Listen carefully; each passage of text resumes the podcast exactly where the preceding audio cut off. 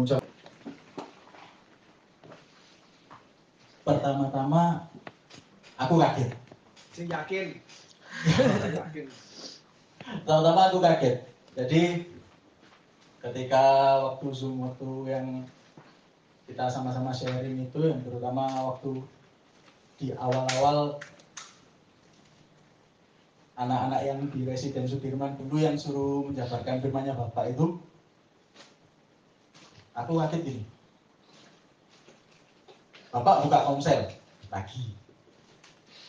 Dan yang disuruh maju itu kita. Lah setelah itu celeni WA ke aku. Celeni WA ke aku Fer hari Kamis besok waktu komsel kamu ya yang isi ya? Sekilas ini sekilas ya sekilas. Di hatiku tuh gini. Loh kok aku sih? Tuhan aja aku sih lah Tuhan aja aku sih sing lainnya. Aku paling enggak aku pengen pengen lihat yang lainnya dulu jadi aku bisa nangkep oh berarti aku mesti kayak gini. Tapi tapi tapi ada rasa bersalah ketika ada pikiran itu masuk itu ada rasa bersalah. Dan aku diingetin Tuhan janjiku sendiri ke Tuhan bahwa kalau kamu dikasih bagian dalam layanan kamu is janji bahwa kamu selalu siap. Dalam arti gak boleh ada alasan untuk nolak. Walaupun sejatinya sendiri belum siap. Aku pribadi waktu disuruh jalan itu secara keseluruhan gitu. itu belum siap. Benar-benar belum siap. Bahkan firman ini tadi pun baru dikasih Tuhan baru masuknya itu tadi sore tadi sore waktu ya waktu duduk di sini udah itu baru Tuhan kasih Tuhan tiga hari aku doa. Nggak ada satupun yang tembus. Ada sekilas Tuhan ngomong tapi benar-benar kayak kayak gumam gitu bahasaku jadi ya dengar tapi gumam jelas nggak? Jelas. Ada perasaan oh ngomong ngomong gini tuh sih tapi gimana aku ngomong apa ya? Balik lagi mikir lagi mikir lagi tuh apa doa lagi. Sampai beberapa hari itu nggak bisa tidur. Sampai terakhir tadi malam tadi malam benar-benar dibuat nggak bisa tidur sama Tuhan sampai jam 3 pagi. Nah, tadi malam itu aku mikir gini, kan aku disuruh nyiapin berambang merah, berambang merah buat toko buat besok bikin sambal, suruh bangun pagi. Aku ngerasa aku ini kok gak bisa tidur ya. Rasanya kayak nggak ada capek nggak ada capek terus aku mikir is. Aku tak sambil doa tak sambil ngoceki berambang. Jadi aku semalam itu ngupas berambang ya saudara. Ngupas berambang itu sambil doa. Jadi sambil tanya Tuhan Tuhan besok besok aku khotbah Tuhan aku ngomong apa Tuhan? Aku ngomong apa Tuhan aku apa ya, secara pribadi takut wah nanti aku ngomong gini salah. Aku ngomong gitu nanti. Ya jujur ya saudara. Tiba-tiba di stop bapak. Ya yang pernah ngalamin pasti tau lah. Malunya tuh mana nah secara manusia aku pengen banget menghindari bagian itu. Aku nggak pengen malu seperti itu. Dan aku ditegur. Aku ditegur. Pas sekilas, pas mikir kayak gitu, mataku kena airnya berambang. Nggak tahu padahal posisinya jauh. Tiba-tiba kena ya. Langsung perih.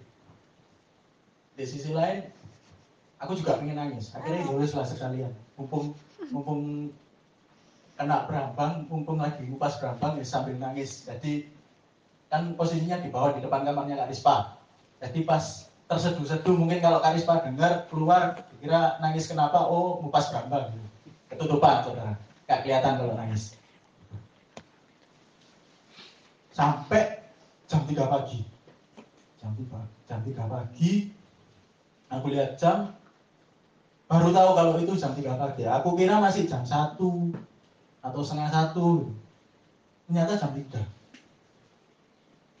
Nah di situ aku panik. Aku panik. Waktu jam tiga aku belum tidur. Akhirnya tak paksakan tidur. Dan akhirnya tidur. Dan kesiangan. Dari pagi dibangun Kamida kesiangan itu posisinya aku salah juga. Karena tidurnya kepagian. Dan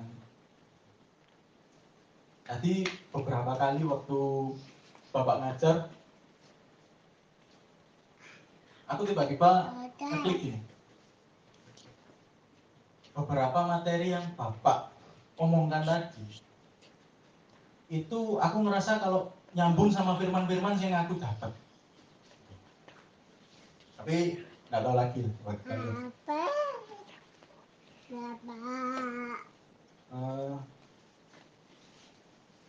apa? Aku dapatnya waktu awal di kejadian satu.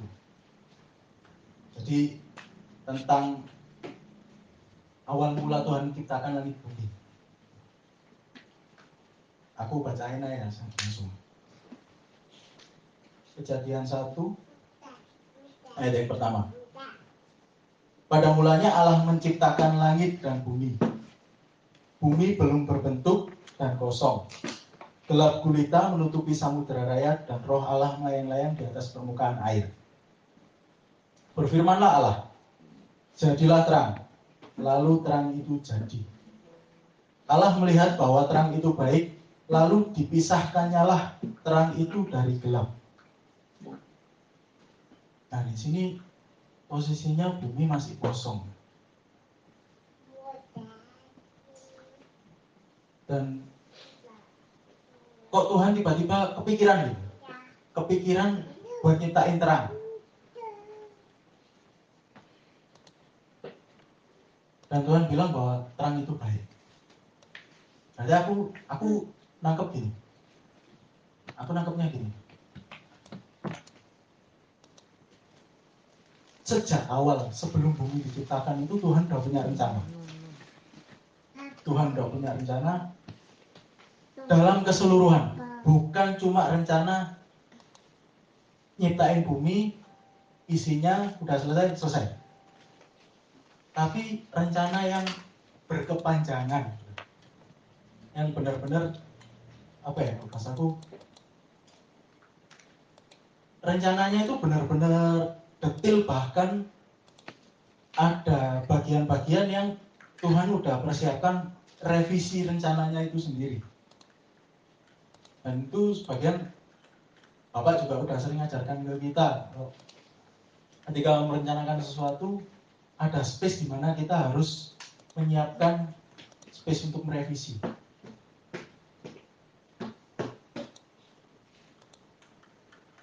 Dan ternyata Tuhan juga. Tuhan juga melakukannya. Tuhan juga membuat rencana. Tuhan juga merevisi rencananya ketika rencananya itu dilihatnya salah atau keliru.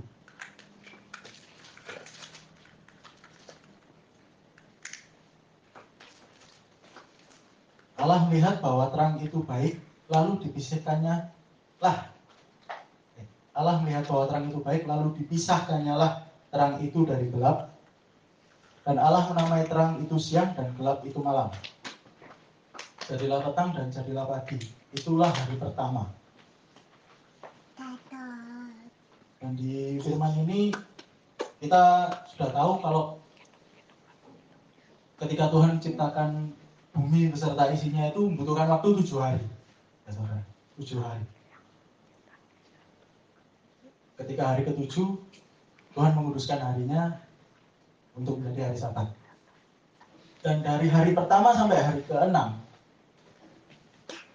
Tuhan bilang bahwa semua ciptaannya itu baik. Termasuk manusia.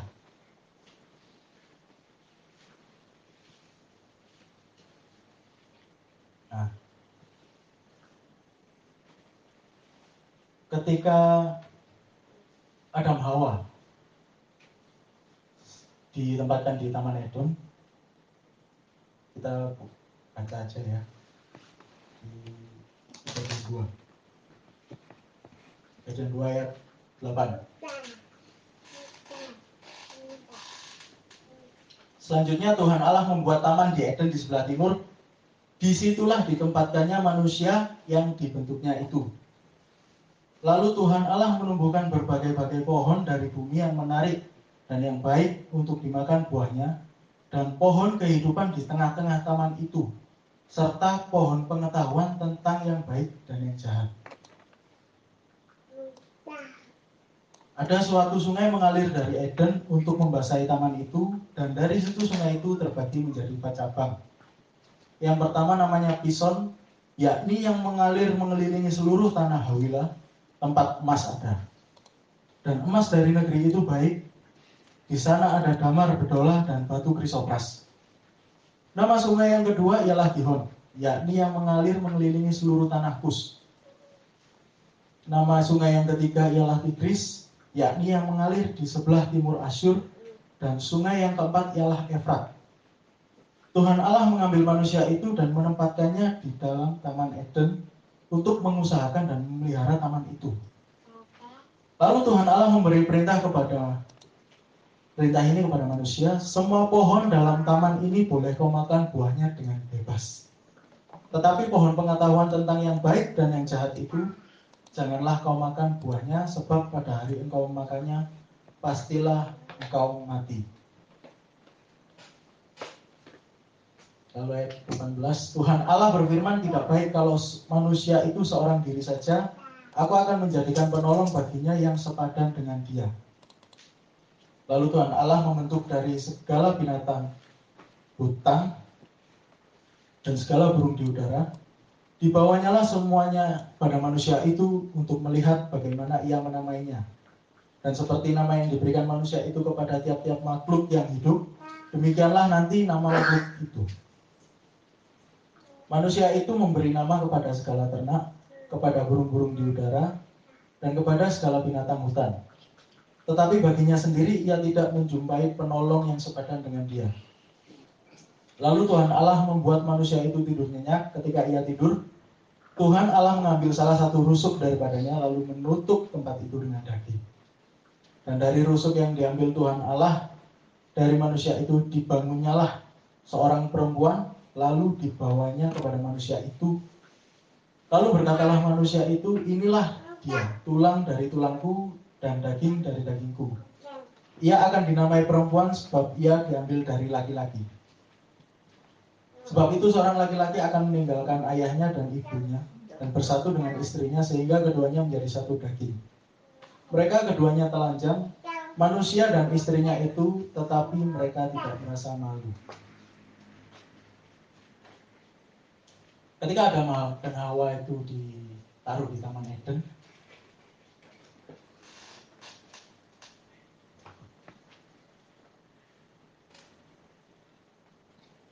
dia si Adam ini udah dikasih.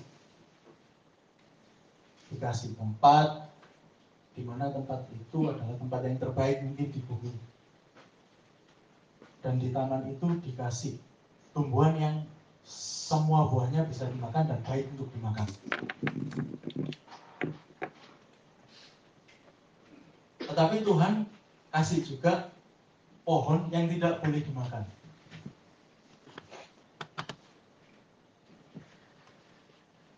aku waktu udah beberapa kali waktu baca ayat Adam, Adam dan Hawa ini aku mikir kenapa Tuhan? Kenapa?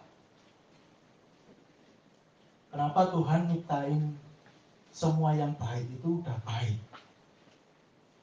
Tapi kenapa kok Tuhan masih kasih sesuatu yang bisa membuat hal yang baik itu menjadi tidak baik.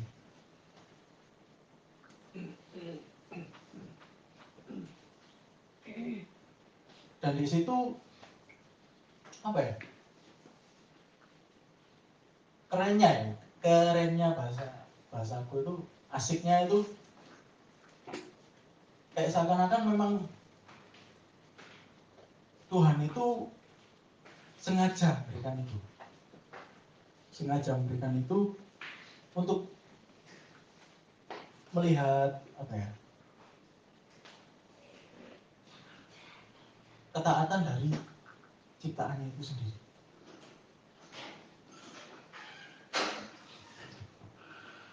Jadi Tuhan menciptakan pohon yang dilarang untuk dimakan buahnya itu dan dampak dari manusia itu ketika setelah makan pohon itu tetapi Tuhan melarang mereka untuk makannya. Dan akhirnya ketika iblis menghasut si Hawa, dan akhirnya mereka makan buah pengetahuan tentang yang baik dan yang jahat, mata mereka kebuka. Mata mereka kebuka dan tahu kalau mereka telanjang. Nah ini aku dikasih pengertian sama Tuhan bahwa kalau pada saat itu sebelum Adam dan Hawa memakan buah pengetahuan yang mereka tahu, yang mereka lakukan, yang mereka pikirkan semuanya itu cuma hal yang baik. Tidak ada hal jahat satupun yang mungkin terlintas dalam pikiran mereka. Seperti berbohong, mencuri, ataupun dosa-dosa lain yang mungkin bisa mereka lakukan. Tuhan menciptakan mereka seperti itu. Jadi yang mereka tahu itu cuma melakukan hal yang baik saja.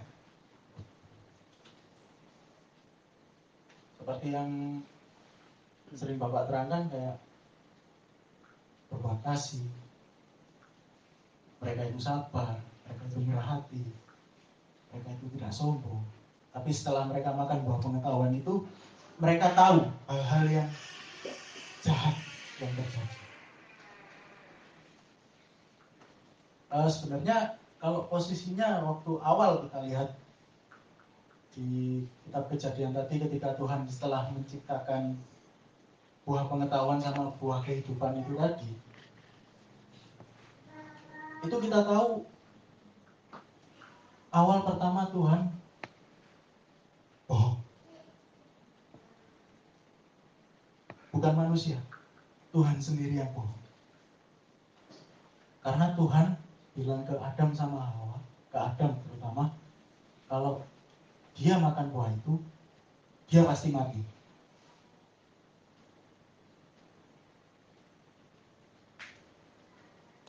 Dan memang nggak salah. Memang nggak salah. Kalau posisinya manusia itu memang diciptakan serupa dan segambar dengan Allah. Termasuk sifat dan karakternya pun manusia sama Allah itu kayak cermin. Tapi karena saking besarnya Allah, saking ya tidak terukurnya Allah, akhirnya itu semua terbagi-bagi. Makanya kita tahu ada manusia yang baiknya itu ada tingkat ukurannya dari yang baiknya biasa sampai baiknya luar biasa. Kita tahu ada manusia yang jahatnya biasa-biasa, bahkan sampai jahatnya yang luar biasa.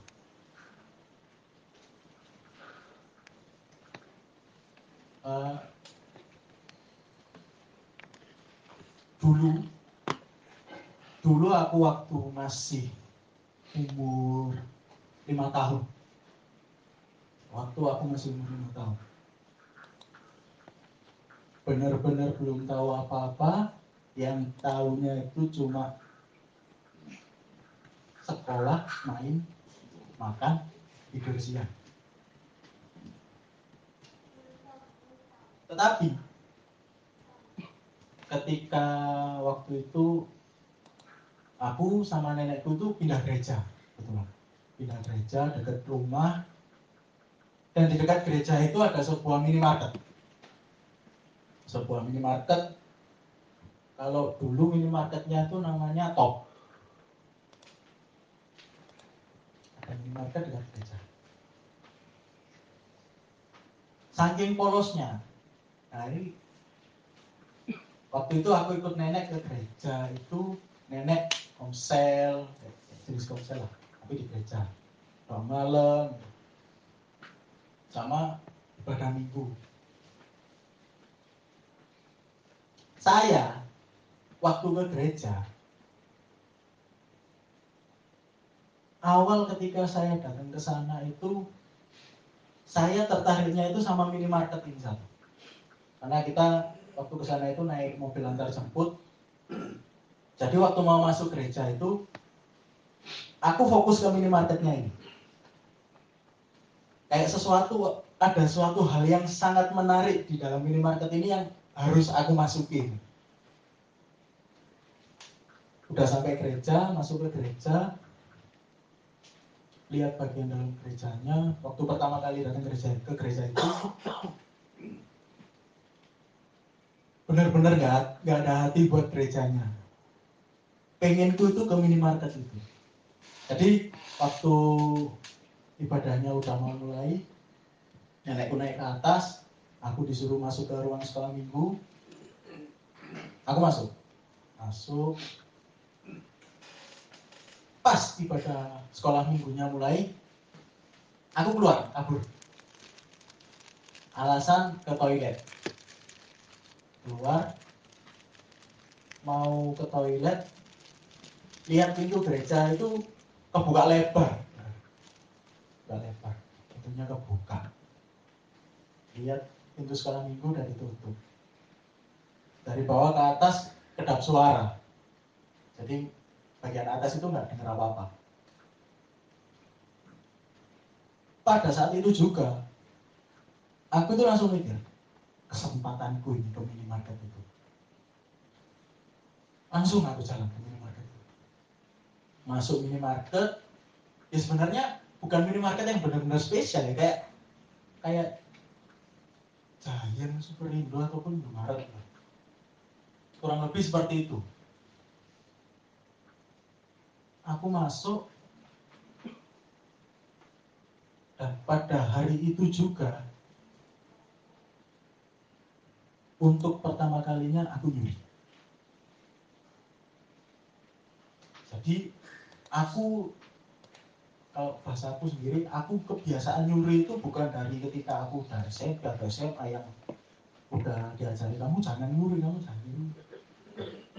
Dari umur lima tahun coba. Gak ada yang ngajari, gak ada yang ngajari. Itu posisinya benar-benar aku diajar itu sama keluargaku terutama benar-benar ketat dan nggak pernah apa ya, dikasih contoh yang jelek. Tapi nggak tahu kenapa pikiran itu bisa bisa tiba-tiba muncul. Tiba-tiba lihat baterai. Baterai. Nah, lima tahun. Aku umur lima tahun. Lihat baterai. Tak lihat. Di baterai. Lihat baterai lihat orang ada lihat langsung habis gitu bukan langsung keluar masuk apa malah masuk ke dalam. Masuk ke dalam lihat-lihat muter-muter. Pegawai-pegawainya nggak seberapa merhatiin. Paling dikira oh ini paling anak-anak jalan-jalan orang tuanya lagi belanja ngapain di lepas berkeliaran padahal nenekku di gereja sebelah. Nggak tahu mereka habis jalan-jalan muter. 10 menit 15 menit keluar. Keluar balik ke gereja sampai di gereja aku ngeragas aku lihat itu baterai. Dan aku aku ngambil barang ini nggak ketahuan. Mereka nggak tahu. Aku hebat aku hebat. Aku ngambil ini barang mereka nggak ada yang tahu padahal serami itu. Akhirnya seiring berjalannya waktu semakin sering aku melakukannya semakin sering kita berangkat ke gereja untuk ibadah semakin sering juga aku mencuri. Dan targetnya waktu itu baterai selalu baterai. Kita nggak tahu kenapa target itu baterai. Padahal juga ketika udah ngambil baterai baterai itu waktu sampai rumah ya gak diapa-apain cuma taruh. Nenekku tanya itu dapat dari mana? Nemu oh udah nyuri oh. Tanpa ada yang ngajar. Yang diajarkan itu kamu harus jujur. Tapi simpangannya yang diambil. Bohongnya. Aku nemu. Sampai pada akhirnya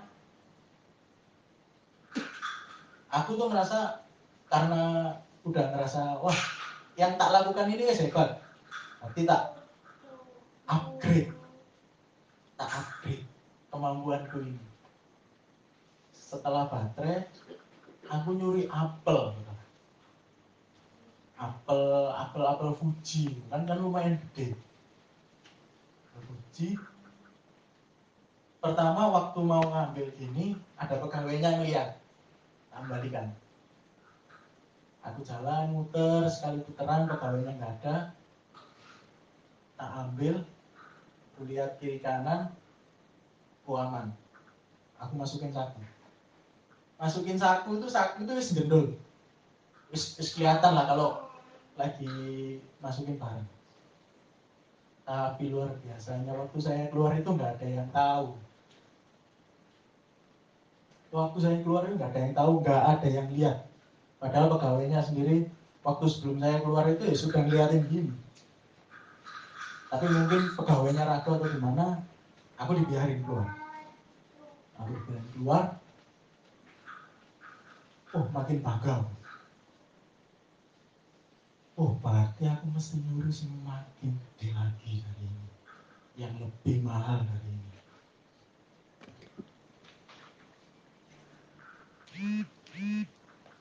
Di situ aku waktu di ngetik flashback itu aku tinggal Tuhan. Begitu luar biasanya iblis bekerja dalam hidupmu. Bahkan sebelum kamu mengenal iblis, kamu udah target. Nah, dari situ aku memikir, kalau seandainya saja waktu itu, pada waktu itu, aku tidak dikenalkan lebih dekat lagi ke Tuhan, bakal jadi apa? Gak diselamatin Tuhan lah bahasaku. Dengan begitu banyak proses mana aku ditempatkan dari keluarga A ke keluarga B, melihat cara mereka melihat mereka, bagaimana mereka ngajar ke aku dan lihat keluarga aku sendiri posisinya begitu itu yang akhirnya bentuk bentuk karakterku jadi campur aduk jadi gaduh-gaduh yang posisinya akhirnya kayak eh, bukan kaya ya memang Aku ini punya karakter labil. Aku punya karakter labil. Sebentar aku bisa bahasaku ya bisa berbuat baik sekilas aku bisa mikirin hal-hal yang jahat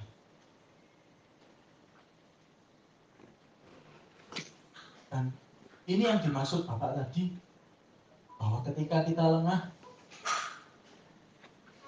iblis itu menyerang dari sela-sela itu. Kalau sebelum sebelum ikut pengajaran Bapak ya aku mikirnya ya ya pas aku mikir hal-hal yang jahat ini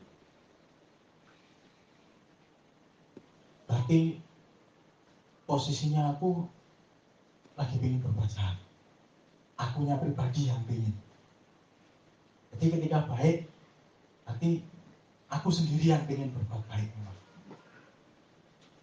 jadi tidak ada sangkut pautnya dengan iblis ataupun malaikat. Tapi setelah diajar setelah mengenal makin mengenal firman Tuhan dan makin mengenal Tuhan aku baru tahu oh berarti selama ini selama ini ketika aku punya pikiran yang jahat itu itu serangan dari iblis. Tapi berapa ya? Masih enak itu ya kita tahu lah. Beberapa dosa itu enak apalagi zina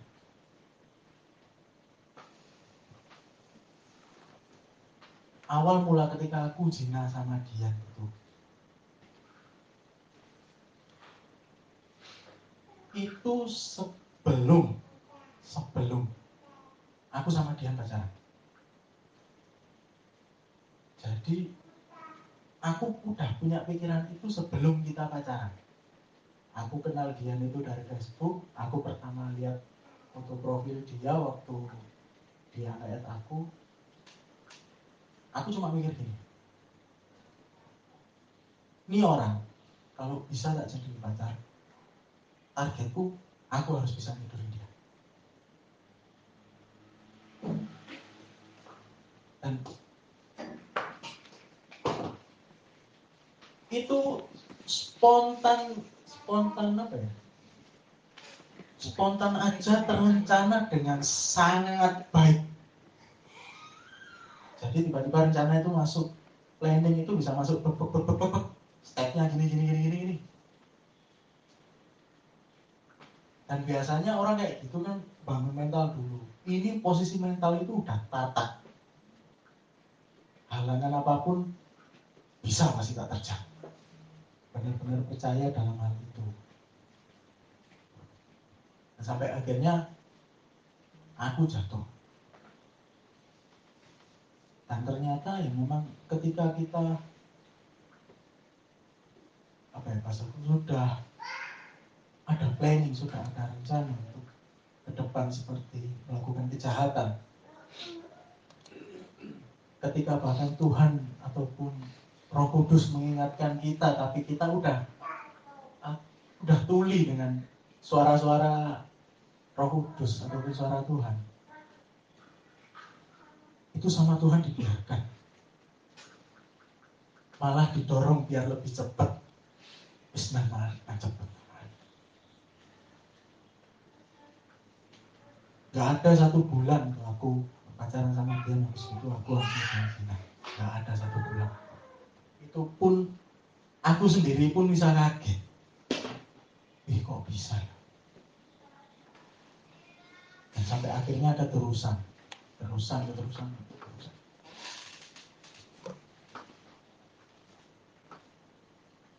Jujur ya saudara, kalau buat aku pribadi, melepas dosa perzinahan itu ibarat aku disuruh motong tangan kiriku dewe. Tangan kirimu itu potongan. Pakai cutter. Lu bisa sih dengan cara sih gak menyakitkan, pakai laser kan gak kerasa ya langsung potong. Enggak harus pakai cutter. memang harus sakit. Karena wis posisinya keadaanmu ini udah sangat-sangat busuk. Tanganmu ini udah benar-benar busuk. Dan nggak bisa di recovery. Jalan satu-satunya cuma dipotong. Sisi yang busuk itu harus dipotong. Tapi kalau dipotong langsung, itu nggak bisa. Harus pakai kata. Kamu harus melewati prosesnya memang.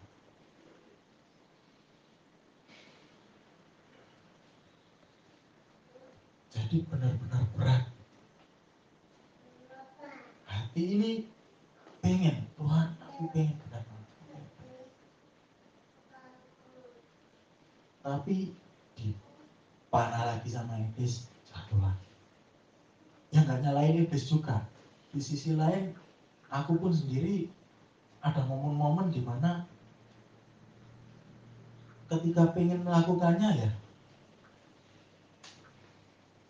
harus harus harus karena kalau posisiku udah melakukan itu biar onani sampai 100 kali pun itu enggak enggak ada hasil yang sama kayak ketika melakukan zina sampai akhirnya keterusan. Bahkan semakin lama semakin menjadi. Sampai di titik. Ya baru baru beberapa minggu yang lalu aja. Bulan-bulan kemarin.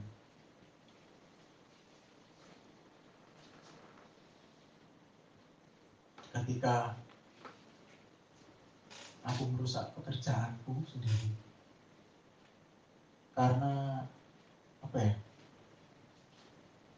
Yes tiba-tiba aku mikir kerja itu gimana gitu terus nak libur kan? Nah, pada akhirnya aku bolos kerja itu di warkop dan alasan bilang ke orang-orang kalau apiku hilang. Sampai di titik itu. Dan aku nginep di kos kosannya dia waktu itu itu kosnya dia itu dia lagi ngekos sendiri di dekat tempat kerjanya dia aku tinggal di tempat kosnya dia selama dua hari. Dua hari itu selama dua hari itu sampai segitunya akhirnya aku dipecat sama-sama. Waktu itu masih masih berdrama ketika dipecat sama Mas Rama itu masih berdrama. Jadi ketika awal datang ke gereja itu posisinya bukan pakai topeng bukan pakai topeng kayu lagi pakai topengnya reok. Udah sebesar itu.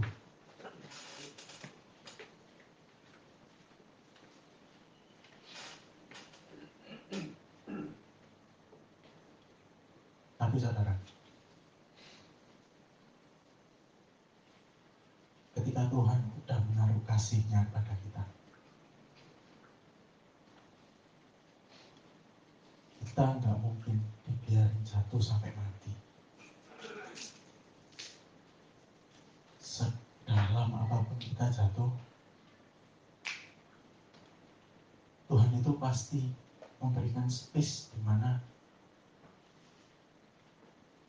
mengingatkan kita bahwa ini loh. Memberikan space di mana Tuhan itu masih kasih kesempatan buat kamu. Walaupun yang kita tahu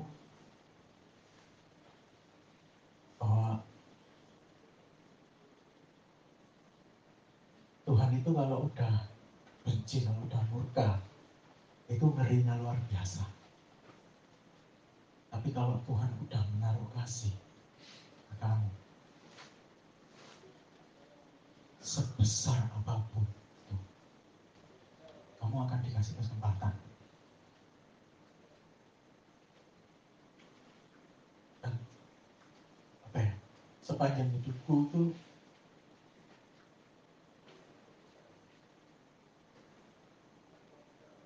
aku selalu mempermainkan kesempatan itu. Secara pribadi tahu, secara pribadi tahu kalau yang aku dapat ini kesempatan dari Tuhan.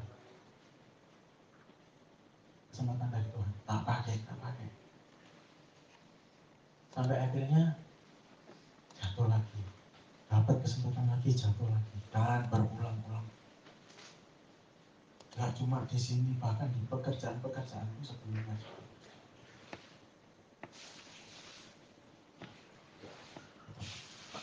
Sampai akhirnya di titik di mana terakhir aku dikasih kesempatan buat kerja lagi sama Mas Dama di situ aku tuh kayak ya, benar-benar gak nyangka. Titik terakhir itu aku benar-benar gak nyangka bahwa posisinya Tuhan masih kesempat, kasih kesempatan seperti itu di hidupku. Dengan membuat Mas Dharma sendiri kasih kesempatan buat aku. Bapak juga kasih kesempatan buat aku. Untuk aku berubah jadi lebih baik.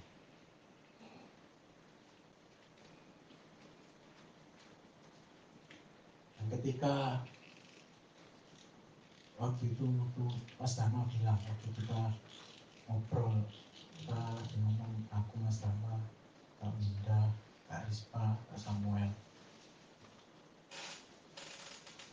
Ketika Mas Dharma ngomong ke aku Kak Minda Kak Rispa Kak Samuel tujuannya kalau aku ke pribadiku ya kita Mas Dharma ngomong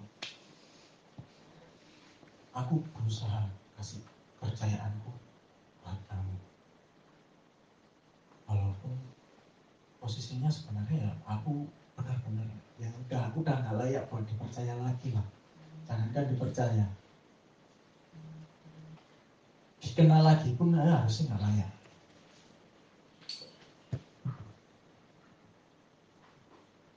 Tapi aku masih dikasih percaya. Di situ aku aku gak boleh sia-siain yang terakhir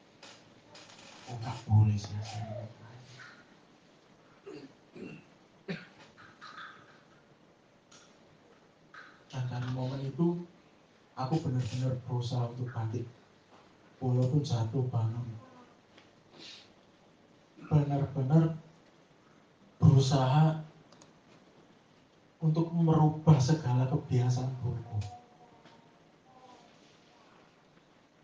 Benar-benar berusaha termasuk melawan kemalasanku juga.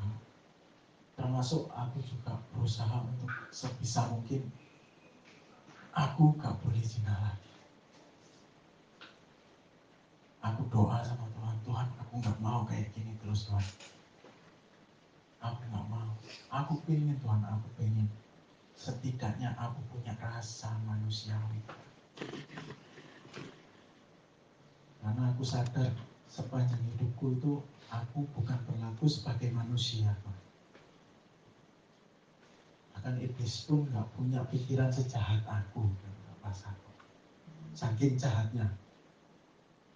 Aku nggak mau tuh dan di situ mulai akhirnya Tuhan kasih jalan kasih jalan. Tuhan kasih jalan jadi space-space di mana yang seharusnya aku bisa melakukan kejahatan, melakukan dosa apa pun itu, itu mulai dipersempit lagi. Kalau bahasaku, aku belajar lagi dari awal. Aku belajar lagi dari awal. Ibarat kalau sekolah itu ngulangi lagi dari TK nol kecil. Diajari dari awal lagi gimana caranya mewarnai. Diajari dari awal lagi gimana caranya nulis, diajari dari awal lagi gimana caranya baca. cara nulis kehidupanmu seperti apa, cara membaca sekitarmu seperti apa, cara kamu menangkap apa pun yang terjadi dalam kehidupanmu itu seperti apa, benar-benar belajar dari awal.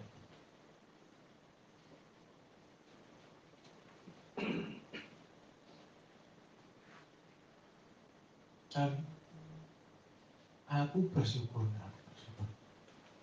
Aku belajar itu karena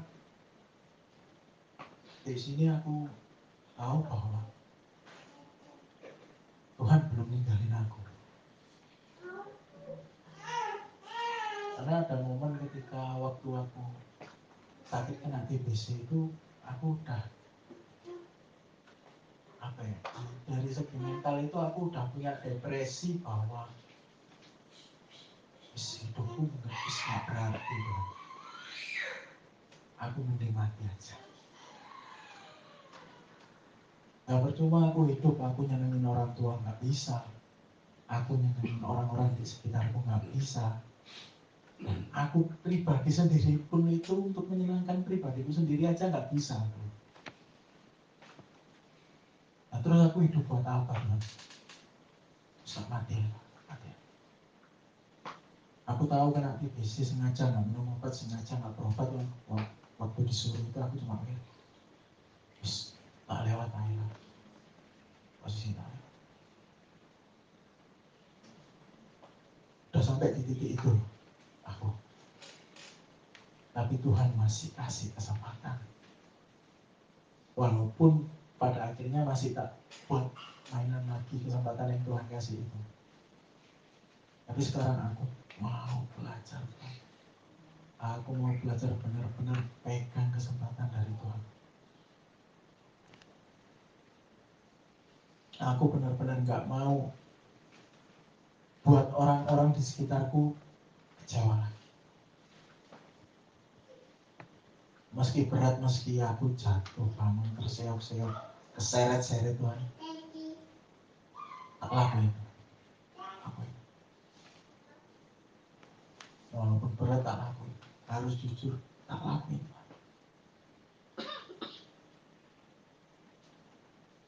Walaupun memang itu keharusan. Tapi kalau untuk orang yang untuk orang yang bahasaku sepanjang hidupnya aja ngedabrus itu ibarat kita ibarat aku pribadi itu mau ngomong itu posisi bibir itu dijahit. Jadi gimana mau ngomong itu gimana? Wong bibirku ini dijahit. Ya nggak tahu. Harus ngomong tapi nanti sakit apa-apa.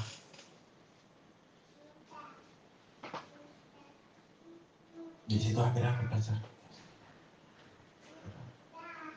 Aku berusaha apa adanya, apa adanya. Aku nggak mau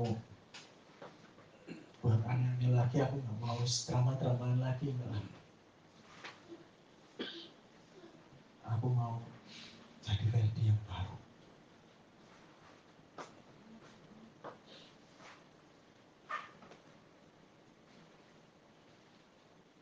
Dan di situ ketika Tuhan kasih firman ini, oh, kamu tahu kejahatan itu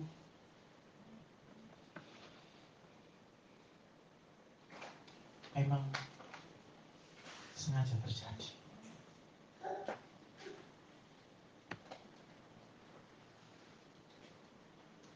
Bukan cuma kamu yang kena semua orang itu kena juga.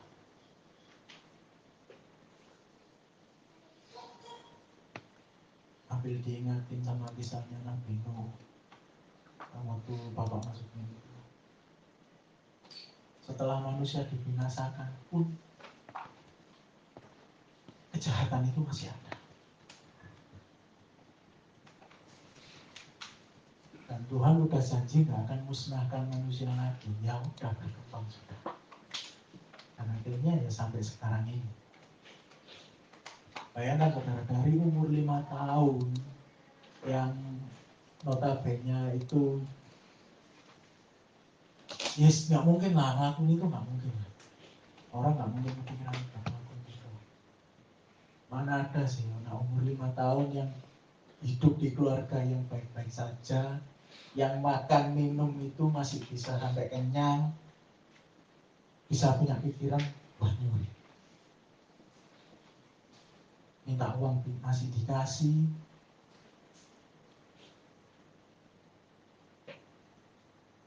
Tapi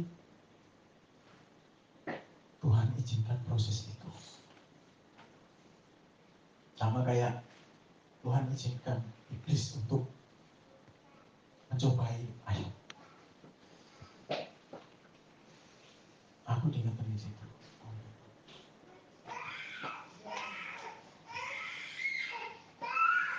dan Tuhan cuma ngomong gini ke aku ya kamu mau next level lagi? Caranya apa Tuhan? Caranya apa kamu lihat aja dan ikuti. Wah ini kalau momen disuruh lihat aja dan ikuti ini biasanya ngeri-ngeri sedap. Karena kita nggak tahu aku nggak tahu jadinya kayak gimana. Aku nggak tahu prosesnya kayak gimana. Pokok apa yang di depan mata itu Tuhan suruh jalan berjalan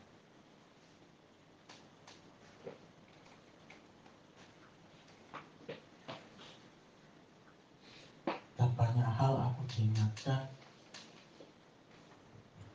tentang kasih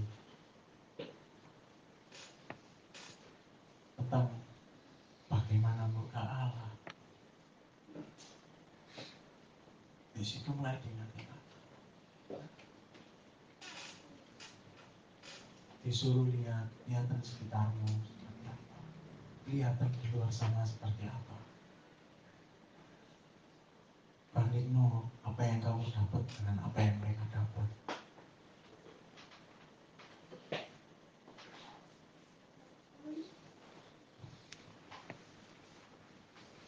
sampai akhirnya setelah diingetin itu aku diingetin juga kalau kamu berbuat gini dampakmu nanti jadinya bakal jadi seperti ini nah ini bu teruskan. Dan kamu jatuh tolongnya itu susah. Bukan gak mungkin buat Tuhan tapi kamunya yang bakal susah nanti untuk ditolong. Karena kamu udah terlalu jauh.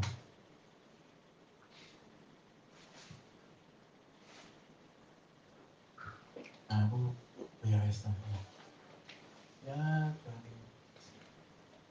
sebisa mungkin semampuku Tuhan aku berusaha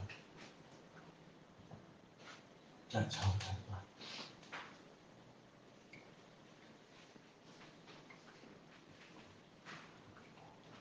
Nah, kayaknya menceng dari firman tadi ya. Enggak, saudara. Kita tahu sepanjang perjalanan tokoh-tokoh Alkitab di perjanjian lama. Mereka berhubungan sama Tuhan itu secara pribadi secara langsung.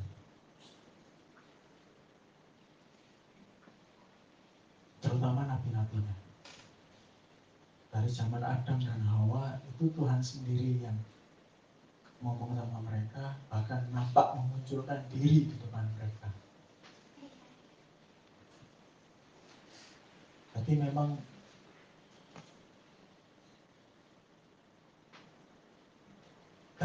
mungkin kita nggak bisa dekat sama Tuhan. Kalau kita ingin dekat sama Tuhan.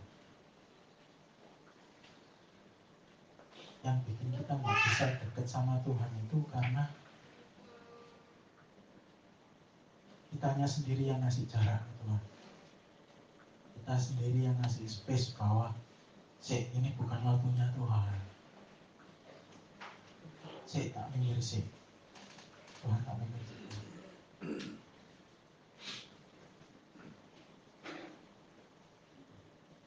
Dan itu ya sempat terjadi juga tadi pas hari ini sih. Hari ini pas aku kerja bangun itu di titik di mana aku mikir wis firman nanti ya kerja siap tapi semeraut berjalan bersama semeraut asli semeraut di mana aku nggak nggak nyadar aku nggak nyadar kalau posisinya jam itu udah jam 9 lewat. Padahal harusnya jam 9 itu aku mesti wis bawa barang-barang untuk toko itu untuk keperluan toko itu udah aku bawa ke toko jam 9 itu udah aku bawa pasti. Tapi aku nggak nyadar aku baru sadarnya itu waktu pergi di telur itu udah jam 9 lewat 15 di situ aku panik. Aku panik aku cuma mikir opo sih tak pikir lagi ya opo sih tak pikir lagi sampai tadi Mas Dharma tanya waktu ada ayam datang Mas Dharma tanya ayamnya wis cek aku sampai ngeblank ngomong apa belum mas. Belum tak cek karena memang belum aku cek. Tapi aku ngeblank aku ngeblank aku ngeblank aku benar-benar gak bisa mikir. Lurus gak bisa mikir jernih. Aku ngeblank aku apa? Sampai aku ngomong mas mas sih mas bentar langsung tak tinggal dulu tapi Mas aku aku dengar waktu dengar sepintas Mas Dharma bilang wis tinggal nanti biar kamu kasih ngecek. Ya wis. Aku langsung berangkat di sana aku mikir goblok aku tuh aku ini kenapa tuh aku, aku mikir gini tuh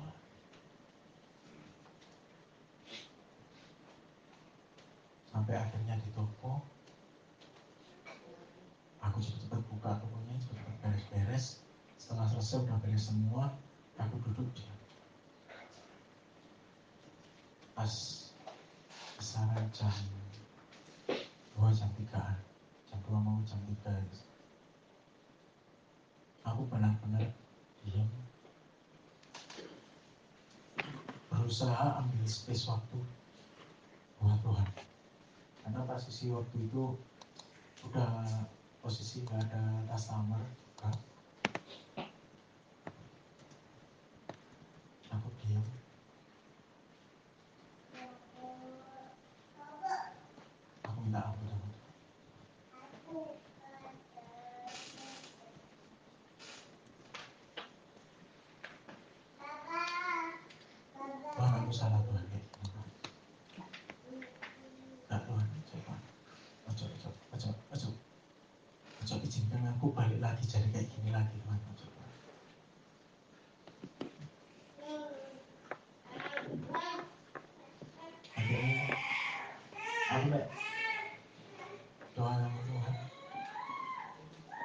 nanti malam Tuhan nanti malam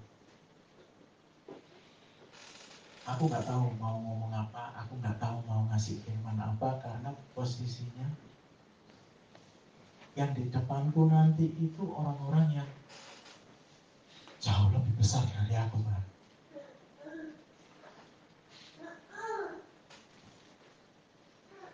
tapi satu hal sih aku pengen Tuhan. Bukan aku pengen ambil Tuhan. Aku cuma pengen apa sih bisa tak sampaikan ke mereka yang bisa jadi berkat buat mereka. Apa sih yang aku dapat itu orang-orang itu juga ikut dapat loh.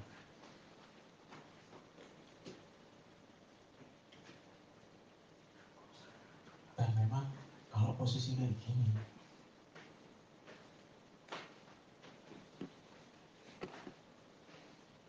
aku akan berusaha berusaha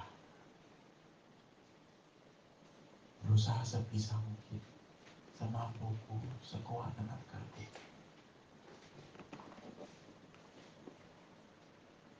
untuk menunjukkan bahwa aku mau berubah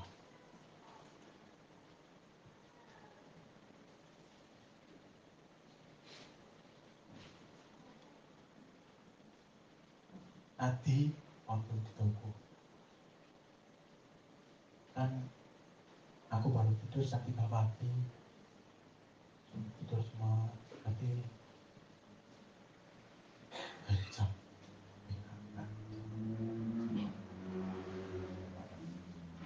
kurang lebih lima setengah jam. Hampir lima setengah jam udah aku bangun jam setengah delapan setengah delapan. Aku bangun waktu di toko sore menjelang mau ibadah. Ngantuk berat itu menyerang. Dan aku oh iya tadi aku tidur subuh benar-benar ngantuk berat aku. Benar-benar ngantuk berat.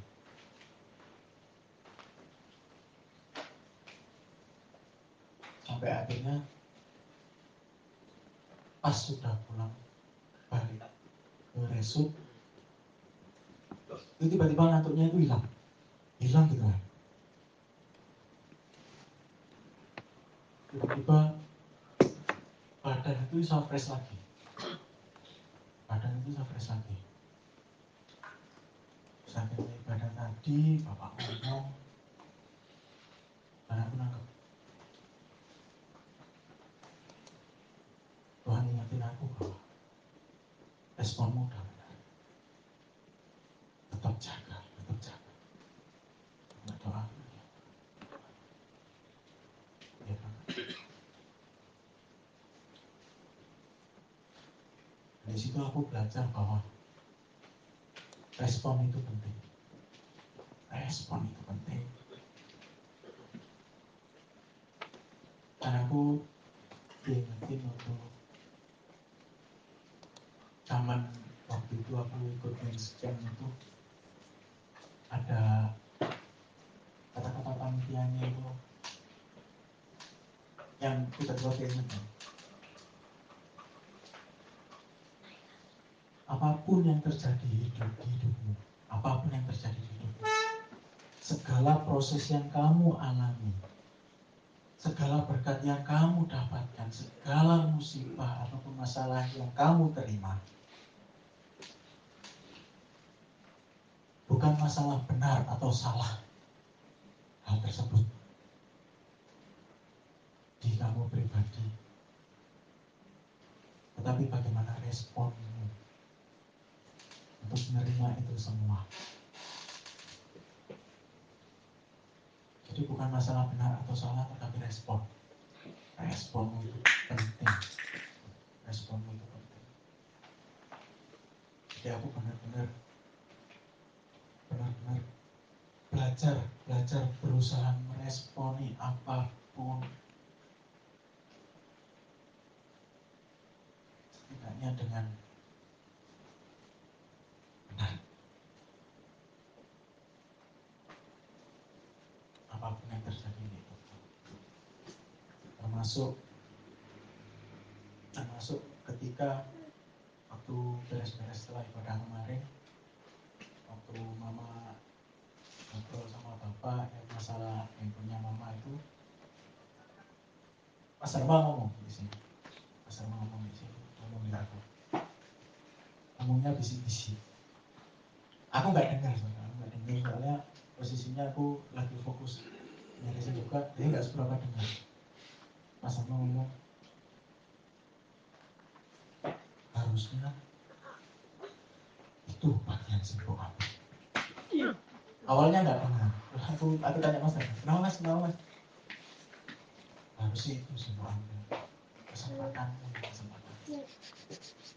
Kesempatan apa pikir kesempatan apa? Aku masih belum enggak karena aku nggak nggak nggak dengerin nggak dengerin apa sih di belakang nggak kesempatan apa sih? Kesempatan apa? Terus aku tanya lagi mas Arma oh, maksudnya mas terus dijelasin Mas Darman, mama itu lagi praktek. Masa cemen yang belikan harusnya kamu. Kamu sebagai anak. Aku kan harus kerja, terima gaji kayak gitu. Apa sih? Bisa aku kasih. Nah, Dan dari situ, aku langsung ya tolong iya di sini tatang dia. Dia.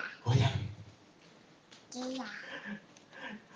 lihat waktu berdiri Iya. lihat Jenny dan bapak itu goyang Dia.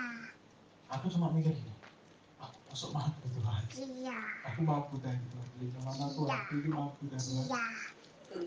Dia. Dia. waktu kemarin itu aku semua di mesti tapi Jenny bilang terus gak apa gak apa sih di, diurus diurus sama di Jenny Bapak. terus sama di Jenny dan akhirnya Dia. selesai ibadah pulang semua di situ benar-benar berusaha buletin tekad berusaha buletin tekad Dia. sampai akhirnya Iya. Dia. aku benar-benar tatap ya aku mau aku mau dan aku harus karena Dia. eh, kesempatan ini lewat. Kapan lagi aku begitu sampai akhirnya aku di belok. Bahasa aku pribadi itu dikasih dua planning sama Tuhan bahwa kamu nek memang mau. Dan kayak gini caranya kamu nek Dia. awal bulan ketika terima gaji kamu shopping langsung cash oh iya Cing. Di sisi lain ketika Cileni tanya ya apa masalah HP-nya mamamu aku wis bilang sama Cileni bahwa pikirku awal bulan sih awal bulan. Pas aku gajian aku gak beli no langsung cash. Dan dari situ saat itu juga aku langsung kepikiran nek nunggu awal bulan aku gak kelamaan. Nek nunggu awal bulan aku gak kelamaan. Soalnya posisinya mama dikejar untuk ganti HP karena gak bisa zoom. Gak bisa ikut zoom meeting. Kalau ada pengacara ataupun podcast. Aku mikir gini aku tak ngambil kredit tak ngambil kredit. Salah nggak ya ngambil kredit Dia. kredit Dia. selama apa Betul. aku nyoba mengambil kredit Dia. dan rencanaku sih awal bulan biasa tapi kalau memang boleh Dia. kalau memang boleh Iya. aku bilang kreditnya mas Cicil. nanti tak apa Hmm. gaji Hmm.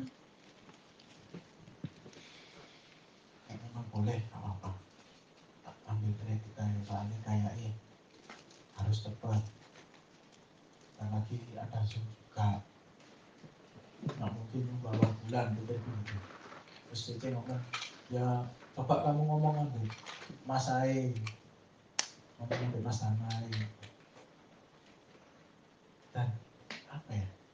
Karena karena kebiasaan pura-pura itu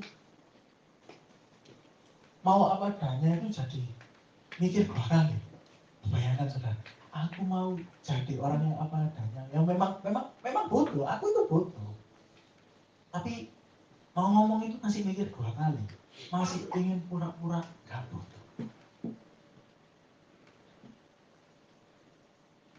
Jadi bukan bukan karena nggak butuhnya tapi karena aku takut. Aku takut. Kalau pas aku ngomong nanti ditolak. Ya apa soalnya posisinya nama aku waktu itu dipakai kredit ambil HP sama temenku sama anaknya nggak dibayar. Dan HP-nya dijual sama dia. Dan sampai sekarang akhirnya namaku blacklist jadi aku nggak bisa ambil kredit HP makanya aku mikir mau nggak mau aku mesti beli cash aku doa aku aku doa masalah mama itu akhirnya aku memberanikan diri memberanikan diri ngomong sama Mas Dharma. Walaupun ya sebenarnya aku pengennya waktu itu ngomongnya langsung bareng tembok lagi. Yang berusaha untuk membatalkan itu semua. Secara normal manusia. Secara normal manusia. Ketika Mas Dharma ngomong kayak gitu itu kesempatan buatku. Gak keluar duit. Itu kesempatanku gak keluar duit. Karena wah nanti kalau aku nggak jadi beli no HP mama nggak apa-apa dong. Kan bapaknya ngomong.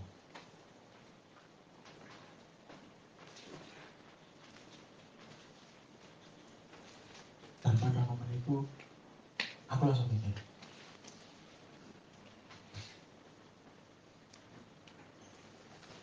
kok jahat aku aku kok pikir jahat kayak gini apa ya Waduh, kok. Ini buat mamaku dewi. Buat mamaku dewi loh. Bukan buat orang lain, bukan buat orang asing, buat mamaku dewi. Aku kok mikir kayak gitu. Mamanya, ini aku. Terus, aku langsung doa sama Tuhan, minta apa sama Tuhan. Gak lama, mama telepon. Gak lama, gak lama mama telepon masalah dia yang minta ke bapak tapi sebelumnya waktu malam itu Celeni udah ngomong cuma aku udah jelasin kalau mungkin salah nangkep omongannya bapak karena lewat chat gitu aja Nah, Celeni. ternyata waktu dikirim lagi screenshotan chattingnya. Tuh aku aku juga kaget. Kok jadi kayak gini om planningnya nggak ke situ. Akhirnya karena responku tadi waktu diingetin mama tentang dia minta aku langsung punya pikiran gini Kak Isa ini salah ini salah ini. Kak Isa salah aku langsung telepon. Saat itu juga langsung telepon dia kamu kok moro-moro minta HP ke bapak aku terus dia jelasin ya kan kita lagi. Nah,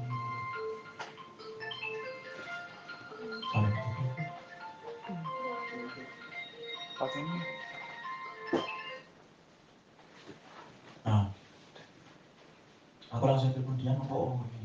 Dia jelasin gini Loh, kamu kan mau dikasih uang untuk beli baju tak tak jelasin.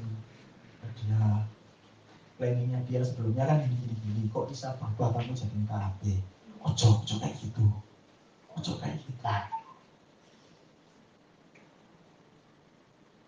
Kamu mesti ngomong bapak ojo ojo kayak gitu.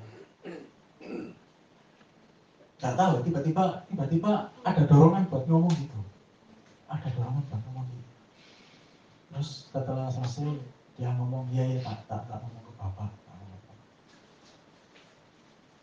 di situ aku langsung begini rasanya? Kalau aku ngeresponi sesuatu dengan benar. Dan akhirnya aku ya bapak apa minta izin kalau urusan HP-nya mama biar aku sendiri yang nanggung waktu itu bapak cuma ngirim stiker cuma ngirim stiker BPM pun gini ya kalau nggak salah. Nah situ nah kok kayak ngirim stiker boleh apa enggak tapi dari stiker yang dikirim dari segi emosinya ini oh bapak setuju. Bapak setuju. Kaget tuh nggak nyangkanya dikirim ke grup aku langsung aduh dikirim ke grup sama bapak? Tapi sudah sih emang bapak kayak gitu terus Akhirnya selesai. Dan akhirnya aku bersyukur sama Tuhan bahwa ketika aku tidak membuang kesempatan itu, kesempatan yang baik itu dengan respon yang baik, itu di hatiku itu bisa ada damai, bisa damai, bisa damai, so enak gitu sa bawaan itu is isang aja.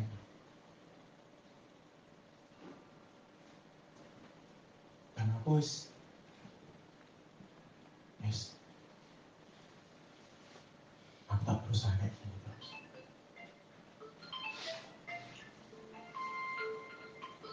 Aku tak berusaha kayak gini terus. Aku tak berusaha kayak gini terus.